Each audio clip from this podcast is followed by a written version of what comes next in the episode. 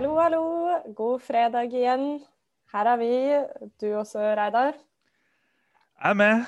Jeg fikk ikke muligheten til å være med på intervjuet. Eh, intervjuobjektet i dag, Hege. I dag har vi fått eh, besøk av eh, toppkandidaten i Sør-Trøndelag valgdistrikt. Hege Ba Nyholt. Og vi hadde en kjempehyggelig samtale i går kveld. For det er jo ikke sånn um, Som toppkandidat så har man jo fremdeles eh, både én og to jobber og masse andre forpliktelser. Så det var utrolig sporty da, at vi fikk til det klokka sju i går kveld. Den ene fridagen Hege hadde denne uka.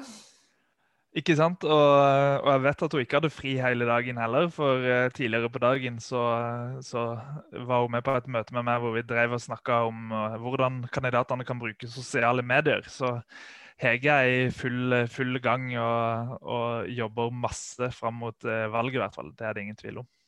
Ja, Hvordan var det møtet? Har du noen umiddelbare tips til hvordan vi kan bruke sosiale medier? Ja, masse, masse tips. Og det, det, Facebook handler jo om, eh, om, en kamp med disse algoritmene, hvor, eh, hvor Facebook har lagd regler for eh, hva, hvilke type posting som, som, fungerer bra, og hva som fungerer dårlig. Så eh, det som er tipset mitt hvert fall til kandidatene, det er jo å legge ut mye, mye ting sjøl, og ikke bare dele videre fra, fra Rødt sin Facebook f.eks. Men at man legger ut poster sjøl og, og, skriver tekst sjøl. Eh, det er ting som er viktig. Og selv om det kanskje er litt kleint, og mange av Rødt-kandidatene de har kanskje litt sånn janteloven i, i ryggmargen, men, men eh, det å ta litt selfies, eh, det er eh, noe som funker eh, kanskje litt for bra. Så, og det er noe jeg vil oppfordre alle Rødt-aktivister til rundt omkring i landet også. At når, når valgkampen kommer, så eh, er det lurt å, å, dele mye innhold i sosiale medier som ikke bare er delebilder fra, fra Rødt sin konto, men ta bilder når man er på på stand, eller ta bilder når du går og banker på dører, eller når du sitter og ringer til velgere. Eh, og skriver om den aktiviteten på, på Facebook og, og, sosiale medier. Og, og kanskje hvorfor du, du, gjør det, hvorfor du syns det er viktig. Eh, for eh, det kommer til å funke som veldig bra stoff på Facebook. Og det gjør også at folk kommer litt bak fasaden på, på Rødt-folk. At man ikke bare ser disse propagandaplakatene, men at man også på en måte blir litt kjent med Rødt og ser hvordan vi jobber og ser hvor mye aktivitet vi får til. Mm.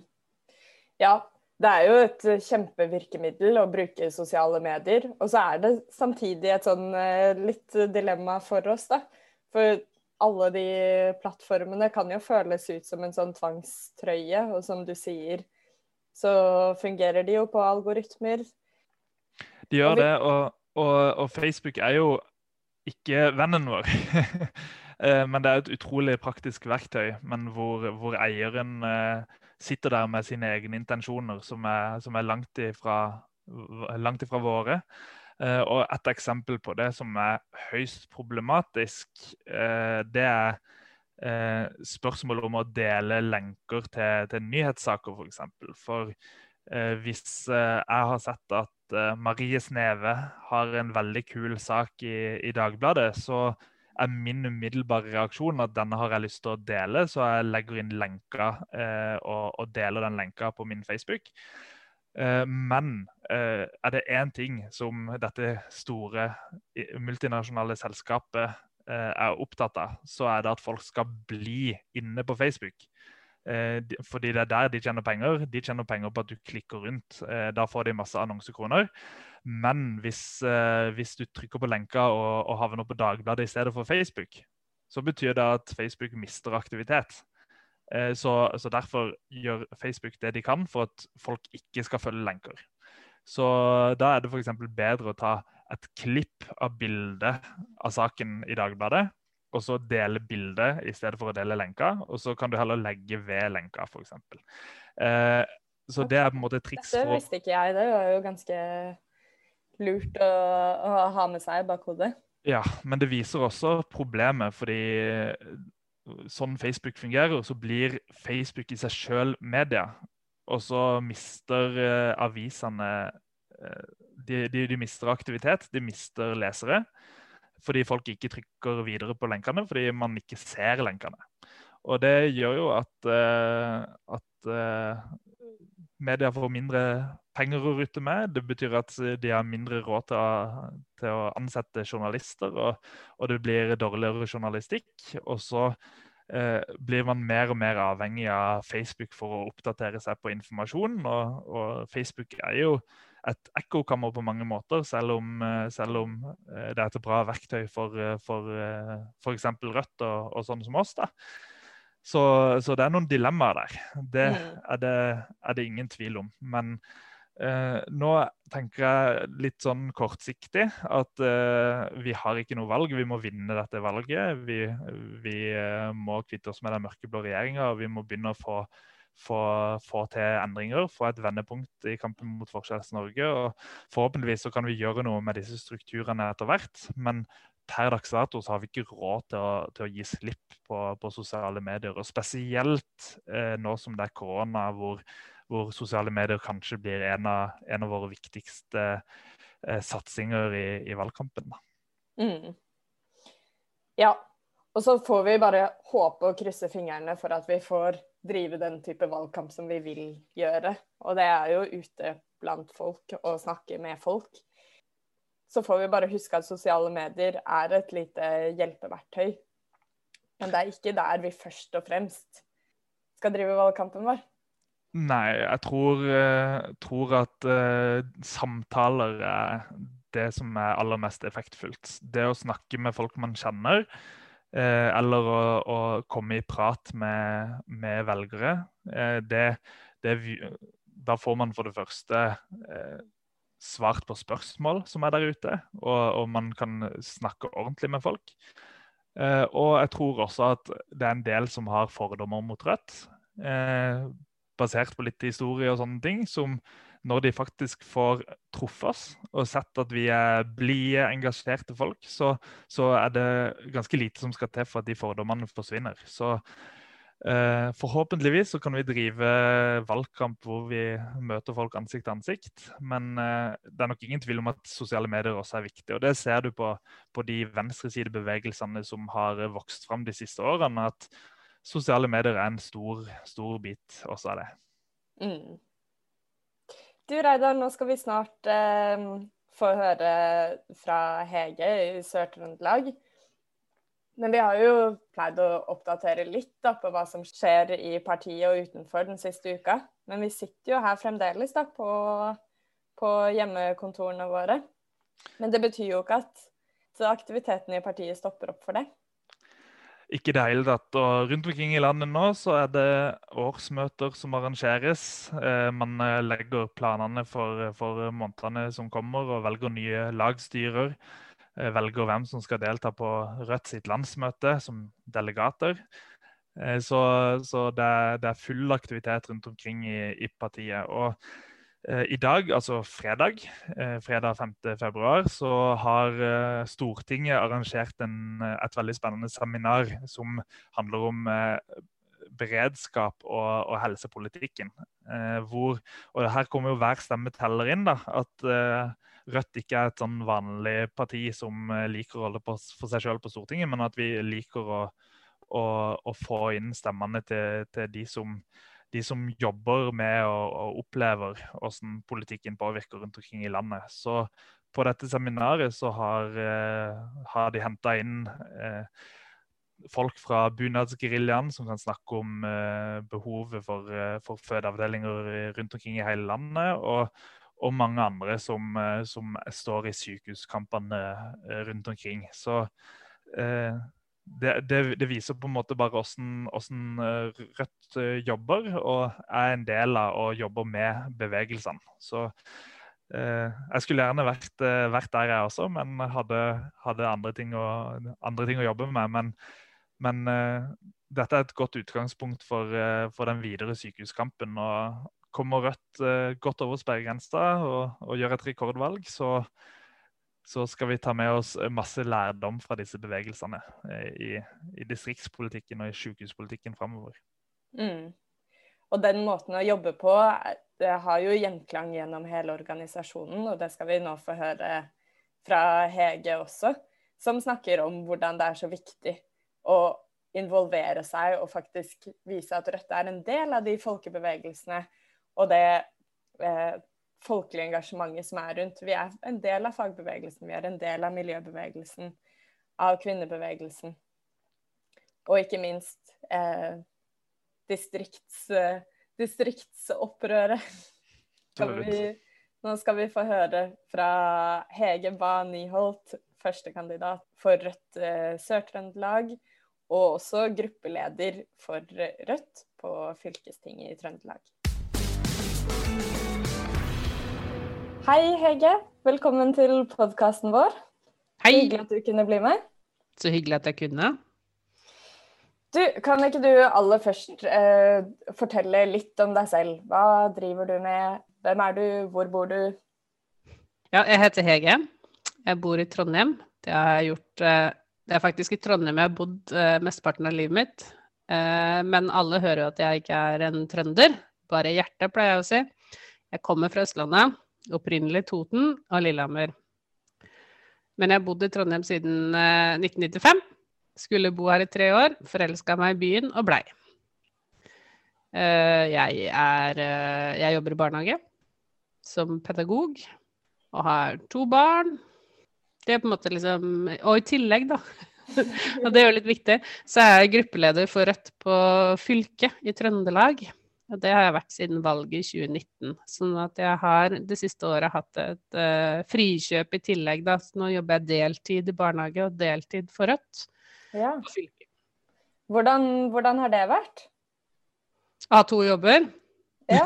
da jobber du i hvert fall mer enn 100 det er helt sikkert. Nei, det er, jo, det er jo et viktig prinsipp for uh, både Rødt og for meg personlig, det her med at man ikke skal glemme hvor man kommer fra, at du skal være rota i den virkeligheten eh, som man eh, hva skal jeg si, representerer. Da. Så for meg så har det vært veldig viktig å fortsette å holde på jobben min i barnehagen. Um, det er der jeg har identiteten min, det er der jeg har mye av yrkeserfaringa mi fra. Jeg har jo hatt andre jobber også, selvfølgelig.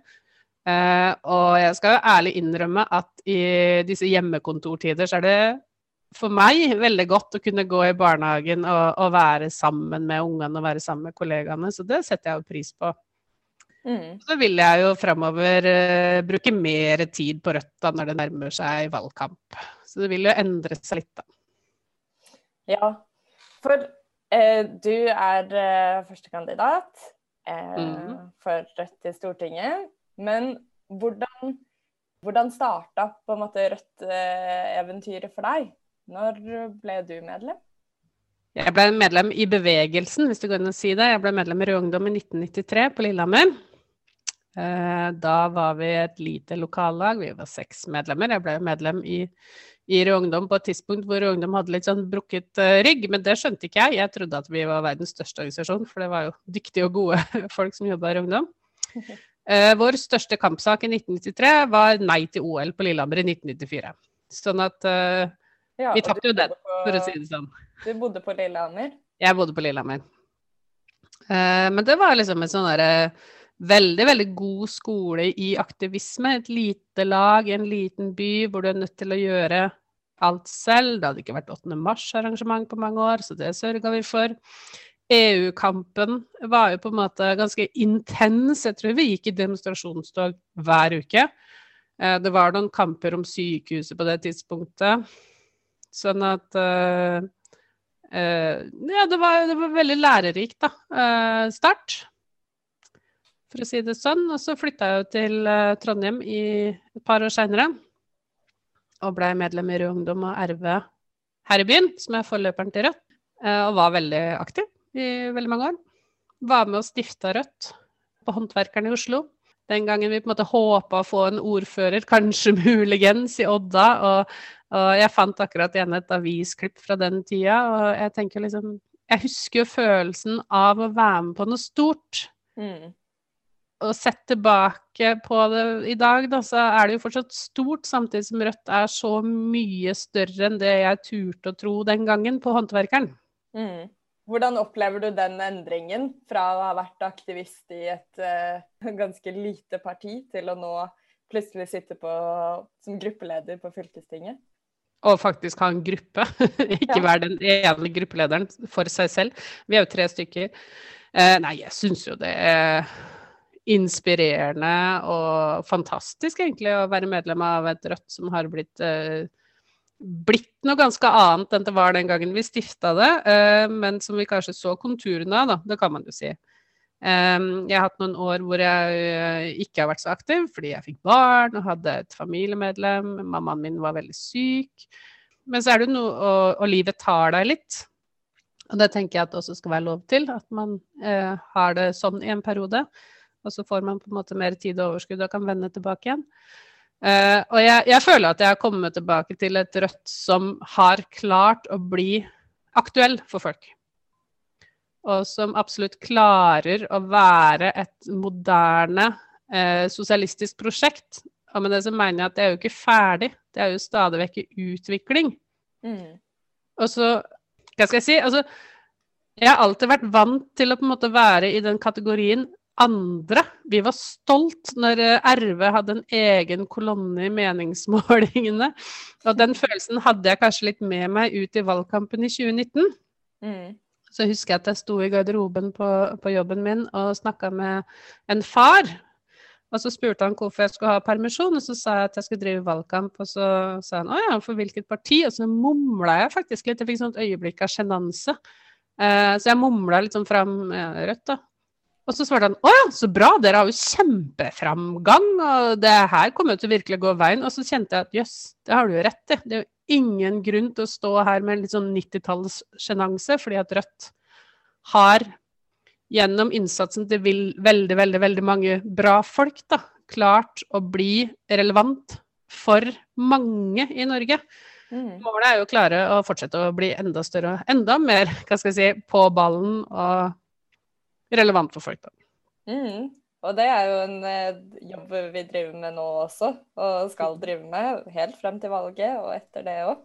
Du har jo, som jeg har skjønt, så har du ikke bare politisk bakgrunn fra Rødt, men du har også vært aktiv i fagbevegelsen og Palestinakomiteen, har jeg skjønt?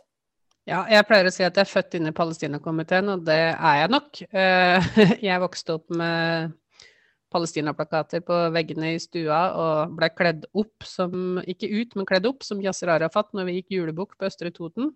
Sånn, kjempepopulært, faktisk. Men sånn at uh, solidaritet med Palestina og også det som handler om den antiimperialistiske kampen, har alltid vært veldig viktig for meg. Uh, har jobba mye i Palestinakomiteen. Mm. Lokalt, men også en del eh, internasjonalt. Har, har i mange år hatt ansvaret for solidaritetsarbeidere til både Libanon og Vestbredden. Mm. Har også selv vært solidaritetsarbeider i en palestinsk flyktningleir i Libanon. Uh, sånn at uh, det er nok veldig nært hjertet mitt, for å si det sånn. Og det er jo kanskje, kanskje et engasjement som alltid kommer til å følge meg. Eller mm. det er jeg ganske sikker på, det er ikke noe kanskje i det. Har jobba en del med eh, kvinnepolitisk organisering. Altså var veldig aktiv på seint 90-tall, blir det ikke det? Jo, midten av seint 90-tall, da Hennes og Maurits hadde store sånne billboards-kampanjer med lettkledde damer. Ja, da, da det var en ny ting? Det var en ny ting. Folk kjørte av veien og krasja og sånt pga. Disse undertøyskampanjene. Det er nesten utrolig å tenke nå, som det er så normalisert overalt. Det skapte et sånt folkeopprør, husker jeg. Jeg husker at det var en, en mor med to unger som kom ut av en butikk, stoppa opp, gikk bort til de, de er jo helt enorme, de her plakatene. Og på høylys dag reiv ned plakaten. Og vi reiv jo så mange plakater at de gikk helt tom og ikke kunne kjøre kampanjen i Sverige. Sånn at eh, det har jo 8. mars-arbeid har vært viktig for meg. Og ja, om jeg er født inn i Palestinakomiteen, så er jeg nok også født inn i FO, da, Fellesorganisasjonen for barnevernspedagog, sosionomer og vernepleiere med sosionomforeldre. Og jeg er sjøl barnevernspedagog, så jeg jobber litt i FO, da. Mm. Du, det er interessant å høre det du sier med, med, solidaritet og hvordan Jeg tror det gjelder for veldig mange i Rødt, at man har hjertet sitt ofte et annet sted og ute i verden og ønsker veldig å ha med det, det internasjonale solidaritetsperspektivet. Hvordan tenker du at i en valgkamp som, hvor plutselig blir så veldig mye fokus på nasjonalpolitikk, på de nasjonale sakene, hvordan kan man klare å ha det solidaritetsblikket med seg? Og kanskje særlig inn i denne valgkampen nå? Jeg tror det er forskjellige inngangsporter til det, for å si det sånn. Også I Trøndelag så har det jo blitt kjempeaktualisert de siste dagene, fordi at amerikanske bombefly, bombefly blir stasjonert på baser i Trøndelag. Det er noe med på en måte den militariseringa av det sivile samfunnet og amerikansk krigføring. Og jeg tenker at eh, det er helt riktig, men også nødvendig å argumentere eh, mot sånn type utplassering og argumentere for nedrusting, da, for å si det sånn, og så si noe om hva den amerikanske krigføringa faktisk er, da. Eh, eh, det, det, skapte jo en blanding av harme og lite Og undring, kanskje, blant folk at uh, man slapp inn masse soldater for å delta på Nato-øvelse midt i en smittesituasjon, da. Mm. Det funka jo heller ikke så bra. Jeg tror det handler om Eh, å si noe om EU sin lovgivning, da, som vi også langt på vei ligger under gjennom EØS-avtalen og sånt, eh, som handler om rett og slett uh, av Europa og en ganske rasistisk lovgivning. altså, folk er opptatt av at unger fryser i teltene i Moria. Det er et stort folkelig engasjement knytta til det, og det handler jo ikke selvfølgelig bare om Moria. For det første så sitter det noen flyktninger i mange leirer overalt. Men det handler også om, da, og det tror jeg er viktig at Rødt gjør, nemlig å si noe om at dette er villet politikk. Mm. Det er ikke fordi at Hellas er slem eller uh, lykkejegere. Altså, det her er EU sin politikk, og så lenge vi er underlagt den, uh, så, så, blir det på en måte også vår politikk, enten vi vil det eller ikke. Men altså, folk ser jo det usolidariske at Erna kan stå på nyttårsaften og si 'lag flere barn'. Eh, men i neste øyeblikk si nei takk til de barna som har behov for å komme hit. Mm. Og så tenker jeg at solidaritet også handler om uh, miljøkamp, f.eks. Den er nødt til å være solidarisk. Og så handler det selvfølgelig om at vår velstand skal ikke bygges på andre menneskers fattigdom og elendighet. Både i Norge og i verden. Mm. Det tenker jeg er viktig å, å, ha med seg inn i valgkampen Uh, eh, Sjøl om mange nok uh, vil ønske at det skal handle om veldig konkrete, veldig, veldig spesifikke nasjonale spørsmål. Også i forhold til arbeidsliv så er det jo solidaritetsspørsmål. Uh, det er ikke sånn at vi ikke mener at polakker skal jobbe i Norge, vi bare mener at polakker skal ikke brukes eh, som en sosial dumpingstrategi, da. Mm. At vi skal ha de samme arbeidsrettighetene for ikke-norske arbeidstakere ja, det er jo virkelig et, et tema som har blitt uh, høyaktualisert bare nå de siste ukene, med grensestengningen. Mm. Ja, og vi ser jo hvor sårbar uh, norsk industri og norsk næring også blir da, når det er sånn at man plutselig Jeg vet ikke om det er sant, eller jeg tenker at det ikke nødvendigvis er sant, men når man hevder at uh, fisken kommer ikke på land fordi at vi ikke kan hente inn arbeidere fra Baltikum og Asia da har man jo eh, for det første i altfor liten grad eh, satsa på fagkunnskapen i Norge, og så har man laga en ordning som er for sårbar, for usolidarisk. Eh, og jeg må jo si at jeg er 100 enig i utsagnet fra klubbleder ved Aker, Ståle Johansen, om at det er en lavkompetansestrategi å alltid satse på innleie, fordi at man investerer ikke veldig mye kompetanse i en arbeider som man ikke vet om man har lenger enn en uke, ti uker eller en måned, så skal de videre til en annen arbeidstaker. Mm. Vi er vel i en situasjon nå hvor eh, Vi er jo i en krisesituasjon. i form av eh, selvfølgelig en helsesituasjon eh, som er eh, både skummel og uoversiktlig for veldig, veldig, veldig mange mennesker. Eh, og et sånn seigpin av et maraton i påvente av en vaksine som kanskje ikke kommer til å løse alt uansett. Eh, men jeg tenker at det også er en situasjon hvor man også får stilt ganske eh, klart og tydelig de interessekonfliktene og klasseforskjellene som er i samfunnet. At det på en måte i det norske samfunnet kanskje kan være litt sånn ullent til vanlig. Hvor vi liker å forestille oss at vi alle på en måte har velstand, at vi alle er ganske like, at vi er ganske homogene. Men det er jo helt tydelig i det øyeblikket krisen inntreffer, at den treffer ulikt og treffer skeivt. Mm. Det er Rødt sin jobb, tenker jeg, å påpeke og kreve krisepakker som ivaretar de som rammes hardest, og vise eh, når folk utnytter seg i krisa, når de får eh, støtte for eh, videre drift, og så ender de opp med å ta ut store utbytte til sjefer. Da er det Rødt sin jobb å påpeke det. Mm. Det er jo det vi gjør, prøver å nettopp eksponere det, vise hvordan forskjellene faktisk Absolutt. øker. Og så får vi denne krisa på toppen av det hele som på et eller annet vis letter litt på det tåkesløret du snakker om, da. Den mm. uh, illusjonen. Absolutt.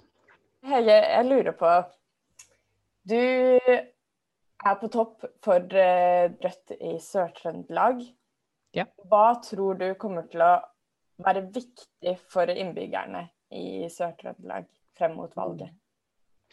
Ja, så er det jo sånn at hva jeg tror det blir viktig, eh, og hva folk syns er viktig, trenger ikke nødvendigvis å bli det som blir debatten i valgkampen. Da. Det er jo litt det som er problemet. Men jeg, jeg tror jo at arbeidsliv og kampen mot Forskjells-Norge eh, kommer til å være viktig for folk i Sør-Trøndelag. Um, som jeg sa, så, så, er det noe med at um, det går ikke an å late som lenger at det ikke er forskjell i samfunnet vårt. Det går ikke an å late som at det ikke er noen som er lavtlønna, som ikke har samme status lenger. Mm. Uh, det er et uh, kanskje litt nytt og annet sinne innenfor noen sånne yrker som tidligere ikke har verken hatt tradisjon eller nødvendigvis følt seg i um, i stand til å skal vi si, slåss da, på den litt sånn tradisjonelle fagforeningsmåten. Jeg jobber jo sjøl innenfor omsorgssektoren i barnehage. Mm. Uh, og snakker jo med mye folk, ikke bare på min arbeidsplass, men rundt omkring, og hvor jeg opplever et annen type sinne enn tidligere. Fordi at uh, det er ingen ansatt i offentlig sektor eller lav, lavtlønnsyrkene eller de kvinnedominerte yrkene som noen gang har opplevd å betale en regning med applaus. Mm.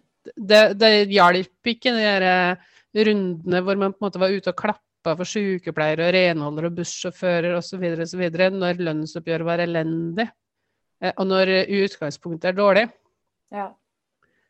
Og vi har jo hatt litt sånne hva skal jeg si, situasjoner som fyrer opp under det sinnet også, da. Type når vi skulle åpne opp igjen samfunnet etter disse fem ukene hvor vi var nedstengt. Så for det mm. første så var vi jo aldri stengt i barnehage- og skolesektoren eller sykehjemsektoren, fordi at vi tok vare på de som trengte det. Men da var det jo forventa at vi skulle gå tilbake på jobb i en situasjon hvor ganske mange var redd og engstelige. Det må man jo ta inn over seg. Uten arbeidstøy. Vi har ikke muligheten til å gå med ansiktsmaske eller hansker utover liksom det som er påkrevd da, med bleieskift og sånt. Uh, og da skulle vi da møte på jobb i private klær. Og så skulle vi da etter veilederen vaske disse på 60 grader. Og de fleste har jo ikke klær som man kan vaske på 60 grader. Og Rødt uh, tok opp dette i kommunen, da. Og det det endte opp med, var at man endra veilederen da, til at man kunne vaske klærne på 40 grader. At det var holdbart. Og klart at det skaper uh, sinne blant folk, og det er bra at det skaper sinne. Ja. At det ikke skaper avmaktsfølelse. Mm. For det er mer kraftig sinne til å endre på sin egen hverdag. Ja, det er det.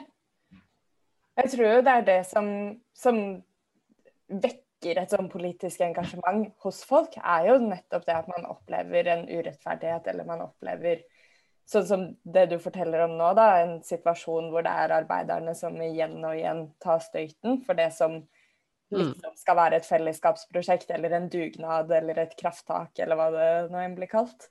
Mm. Mange, mange, bilder som blir brukt om dette, som, som har hva skal jeg si, en sånn positiv eh, valør da, i samfunnet, ikke sant. Eh, gjerne har sjøl vokste opp med en far som elsker dugnad og arva den, men denne dugnaden er ikke av type borettslaget fikse bakgården, altså. Denne dugnaden så er det noen som jobber, noen som steker vafler, og noen som venter på at de blir ferdig, for å si det sånn. Og det tror jeg er ganske tydelig for folk, altså. Mm. Men for å gå litt tilbake til det du spurte om, da, i forhold til hva ble viktig for, eh, for folk i denne valgkampen. Altså, da tror jeg jo også at uh, det som handler om miljøvern og et solidarisk uh, miljøvern uh, ble viktig. Vi har jo hatt noen store, og vi har de fortsatt, da, store miljøkamper i, i Trøndelag og Sør-Trøndelag knytta til vindkraft, blant mm. Annet. på Frøya hvor det jo har nærmest uh, blitt en sånn, hva skal man kalle det, folkeaksjon, da. Ja. Med folk som prøver å, å stoppe et enormt utbygging, som jo er betalt av et uh, enormt tysk selskap. Mm. Og det er mye kraft i de folka der, altså. Til tross for at vindturbinene har kommet opp, og de er sinnssykt massive, jeg har vært og sett de, så er det mye kraft i de folka, for å si det sånn. Ja, det er kjempeimponerende å se lokalsamfunn som, som, organiserer seg og engasjerer seg på den måten. Og så er det må det jo være utrolig frustrerende å få formidla det budskapet at dette handler ikke bare om en liten vindmølle her og der. Det handler om nettopp det du sier, da, om store utenlandske investeringer som kommer inn og ødelegger naturen. Mm. Ja, for det første så er jo ikke vindmøllene små. Eh, det er enorme vindturbiner på ja, De er så massive, og de oppleves som både ødeleggende og støyende. Eh, og inngrepene rundt å få satt de opp på er jo enorme. Vi er ikke Danmark. Her må det sprenges fjell og graves opp myr, for å si det sånn. Mm. Eh, men så er det jo også det som handler om lokaldemokrati. Altså hvem skal bestemme Uh, og det tror jeg er viktig, og en viktig del av den valgkampen som kommer også. At vi, vi har en massiv sentraliseringsbølge i Norge. Uh, vi opplever hele tida at den desentraliserte skolen er under press. Uh, vi opplever at kollektivtilbudet i distriktene tas ned hele tida. Det blir stadig vanskeligere å leve i distriktene, og mer og mer og mer av alle mulige typer offentlige ytelser og Eh, offentlige kontor skal legges til kommunesentre eller ja. Og jeg eh, mener at det er ikke Senterpartiet som er løsninga på det der. Senterpartiet prøver å selge inn at det er de som er distriktspartiet, men det er vi som er distriktspartiet. Fordi at eh, vi er opptatt av både bosetning, ivaretagelse av natur, eh, lokalt næringsliv, men også demokratispørsmålet og muligheten til å påvirke egen hverdag pluss masse, masse mer. Så jeg håper virkelig at vi skal klare å kommunisere det ut da, eh, til folk at vi er et distriktsparti. Mm. Men du, jeg lurer også på hva slags planer har dere i, i, Trøndelag for valgkampen fremover? Det er jo kanskje ikke så lett å, eh, å vite akkurat nå med tanke på, på den usikre situasjonen vi står i. Men hvordan tror du din, din hverdag og din valgkamphverdag kommer til å se ut det neste halve året? Ja, vi har en plan A, så har vi en plan B, og så har vi en plan C, for å si det sånn. Som handler om i hvilken grad kan man uh, få lov til å treffes, da. I hvilken grad mm. kan man få lov til å drive uh, det man kanskje kan kalle tradisjonell valgkamp. Og det håper jeg jo at vi kan etter hvert. Nei, sånn rent personlig så har jeg jo et ønske og et behov for å eh, reise ut og treffe folk. Reise ut og faktisk eh, treffe folk i hverdagen deres. Eh, Snakk med folk, eh, hør om både muligheter og utfordringer rundt omkring eh, der de bor. Eh, sånn at det er, det er plan A, si, eller en del av plan A, for å si det sånn. Uh, og så har vi jo en plan B og plan C som handler om ulike digitale løsninger, hvis det er sånn vi ender opp. Uh, men fortsatt så er jo det å uh, klare å sette ut og praktisere det Rødt sier at vi skal gjøre, nemlig å samarbeide med og være en del av folkebevegelsene som fins, fagbevegelsen, være noe større enn oss sjøl, hvis det går inn å si det sånn Viktig mm. om det er plan A, B eller C man benytter seg av. Uh, og det er jo mitt mål, da. Mulig det ble litt sånn filosofisk, men, uh, men, det er et viktig prinsipp å jobbe etter. At man alltid er eh, Representerer flere enn seg sjøl. Man er mm. alltid talerstolen for eh, noen flere enn seg sjøl. Og det er alltid viktig å lytte til folk. Lytte til fagforeningsfolk, lytte til tillitsvalgte, lytte til folk som står i utfordrende situasjoner, lytte til folk som har funnet gode løsninger, lytte til folk som finner sammen. Vi har et stort opprør på gang blant foreldre i Trondheimsskolen f.eks. Der er det mye kompetanse å hente. Kjempeviktig. Vi har en sterk LO-fagforening i Trondheim. Der er det mye kompetanse å hente. Vi har mange medlemmer som er ansatt i det som i Trøndelag i hvert fall omtales som blå næring, altså fiskeindustrien. Eh, både i form av eh, fabrikkene og ute på merdene. Der er det mye kompetanse å hente. Og mm. det er jo liksom skritt nummer én for min del. Jeg har ikke tenkt å synse om en masse ting, men jeg har tenkt å lytte til de folka som faktisk har både kunnskapen og erfaringene. Og ta med meg det inn i Rødt sin valgkamp, da. Det høres ut som en veldig god strategi. Og jeg tror det du sier ikke er på et for høyt uh, filosofisk plan. Jeg tror det er kjempeviktig å ha med seg hele tiden. Det at man kan være en kamerat, og man kan ha på seg flere hatter. Altså du kan ja. Bare fordi du kommer inn som Rødt, så er du ikke nødvendigvis bare Rødt. Vi fyller så mange roller, da. Ja, og det som er så godt med Rødt, er at selv om jeg er førstekandidat, så skal jeg jo ikke gjøre det her aleine. Vi har så mange dyktige medlemmer, vi har så mange gode lokallag rundt omkring i Trøndelag. Mm. Det, er jo, det, er jo, som jeg sa, vi har gått fra å være de andre på meningsmålinga til å være et parti bestående av masse dyktige folk. Eh, og det kjenner jeg er en enorm trygghet eh, og en enorm styrke å vite at du er en, en av mange, da. Du er en i laget. Og at de også på en måte jobber for det samme. da, At det er folk eh, over hele landet som er med på en måte og jobber for det samme. Gir meg i hvert fall masse inspirasjon og masse mot da, til å stå mm. i det som måtte komme da, av kamper framover. Du har jo sikkert vært med på ganske mange valgkamper eh, tidligere.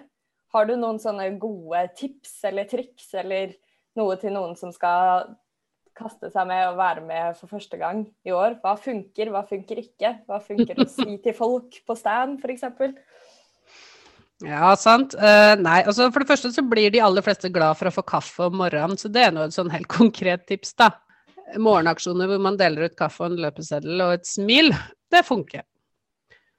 Det handler jo selvfølgelig om om det er lov, da.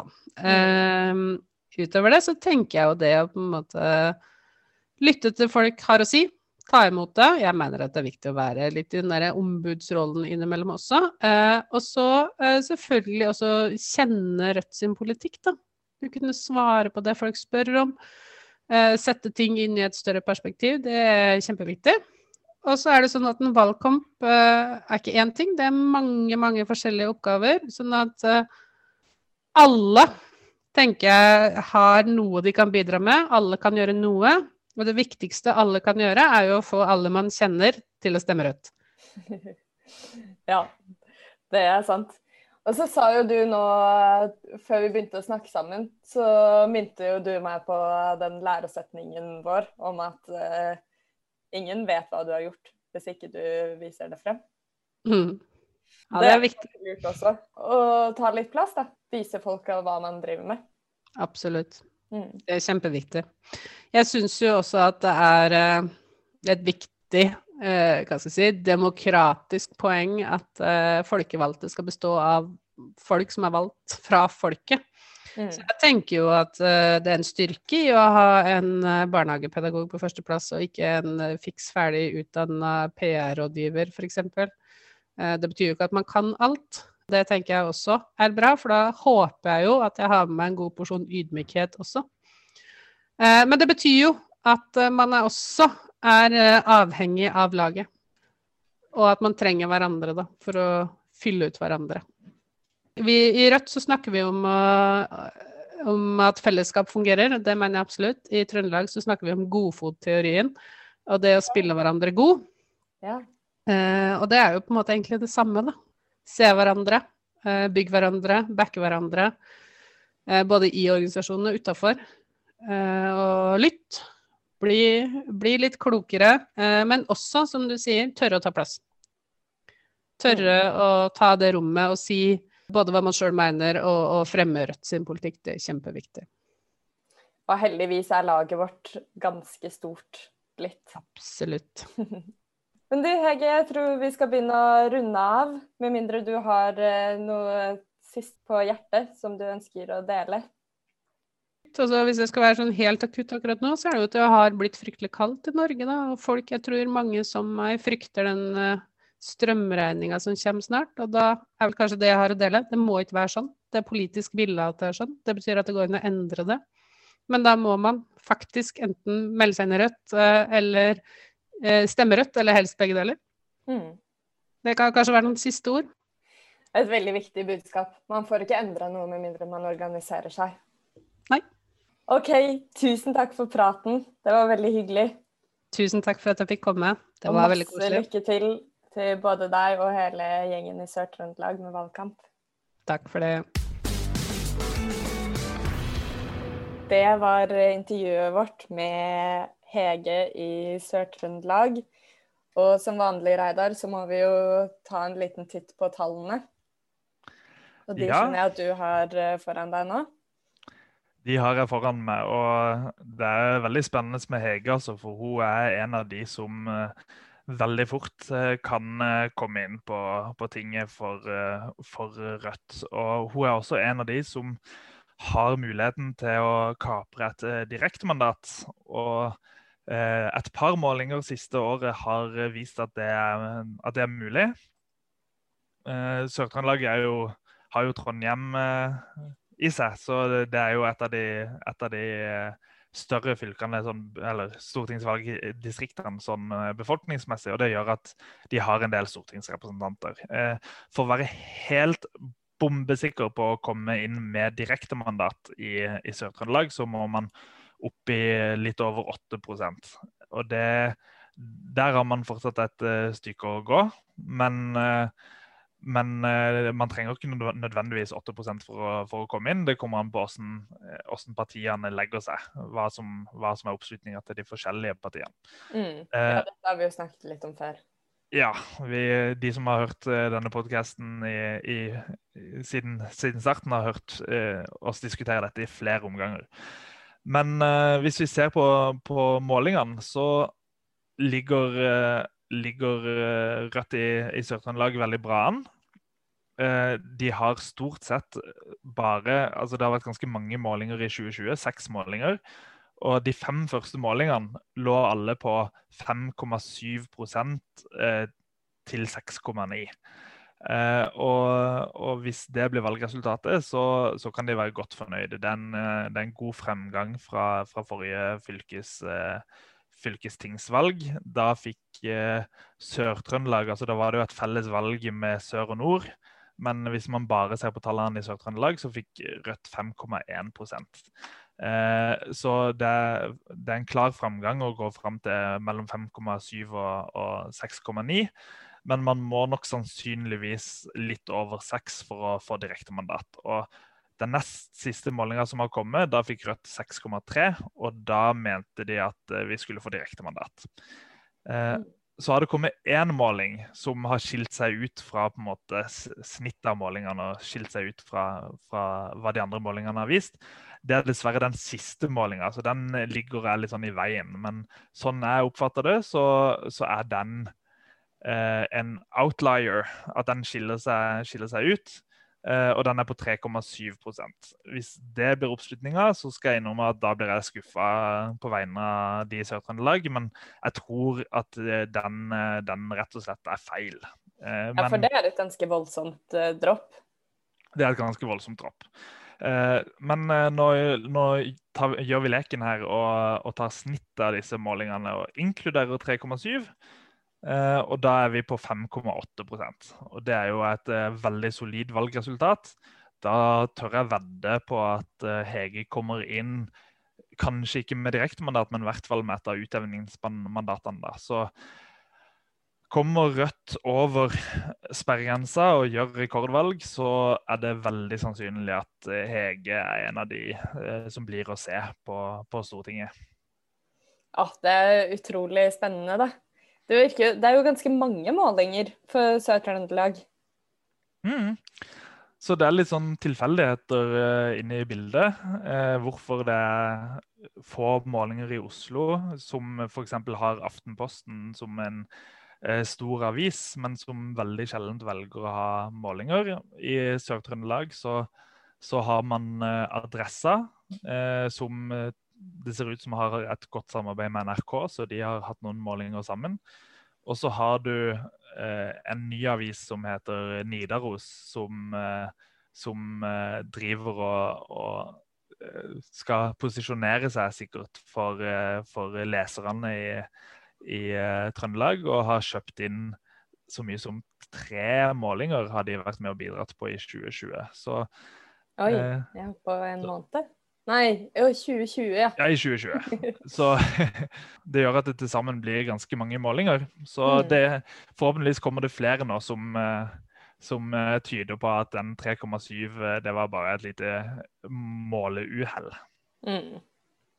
Ja, det satser vi på. Og heldigvis så er jo ikke målinger alt, og det sier heller ingenting om hva som skjer på valgdagen. For sånn mm Bjørnar minte oss på i forrige uke, så er det jo utrolig mange som bestemmer seg på vei inn i valglokalet. Det er det, så vi, vi må stå på til siste slutt. Og det som er veldig bra med å få direktemandat fra, fra Sør-Trøndelag, er, er, jo at da kan, da kan, noen andre fylker ta disse, eller stortingsvalgdistrikt ta disse utjevningsmandatene. Så vi satser på å få noen, eh, noen eh, direkte mandater, og Hege er virkelig en av de som kan, eh, kan få til det, i tillegg til kanskje Hordaland og Akershus og Oslo. Mm. OK, Reidar. Da tror jeg vi skal runde av for i dag. Men vi høres igjen i neste uke, vi. Vi høres igjen. Jeg gleder meg allerede. det blir bra. Ha det godt.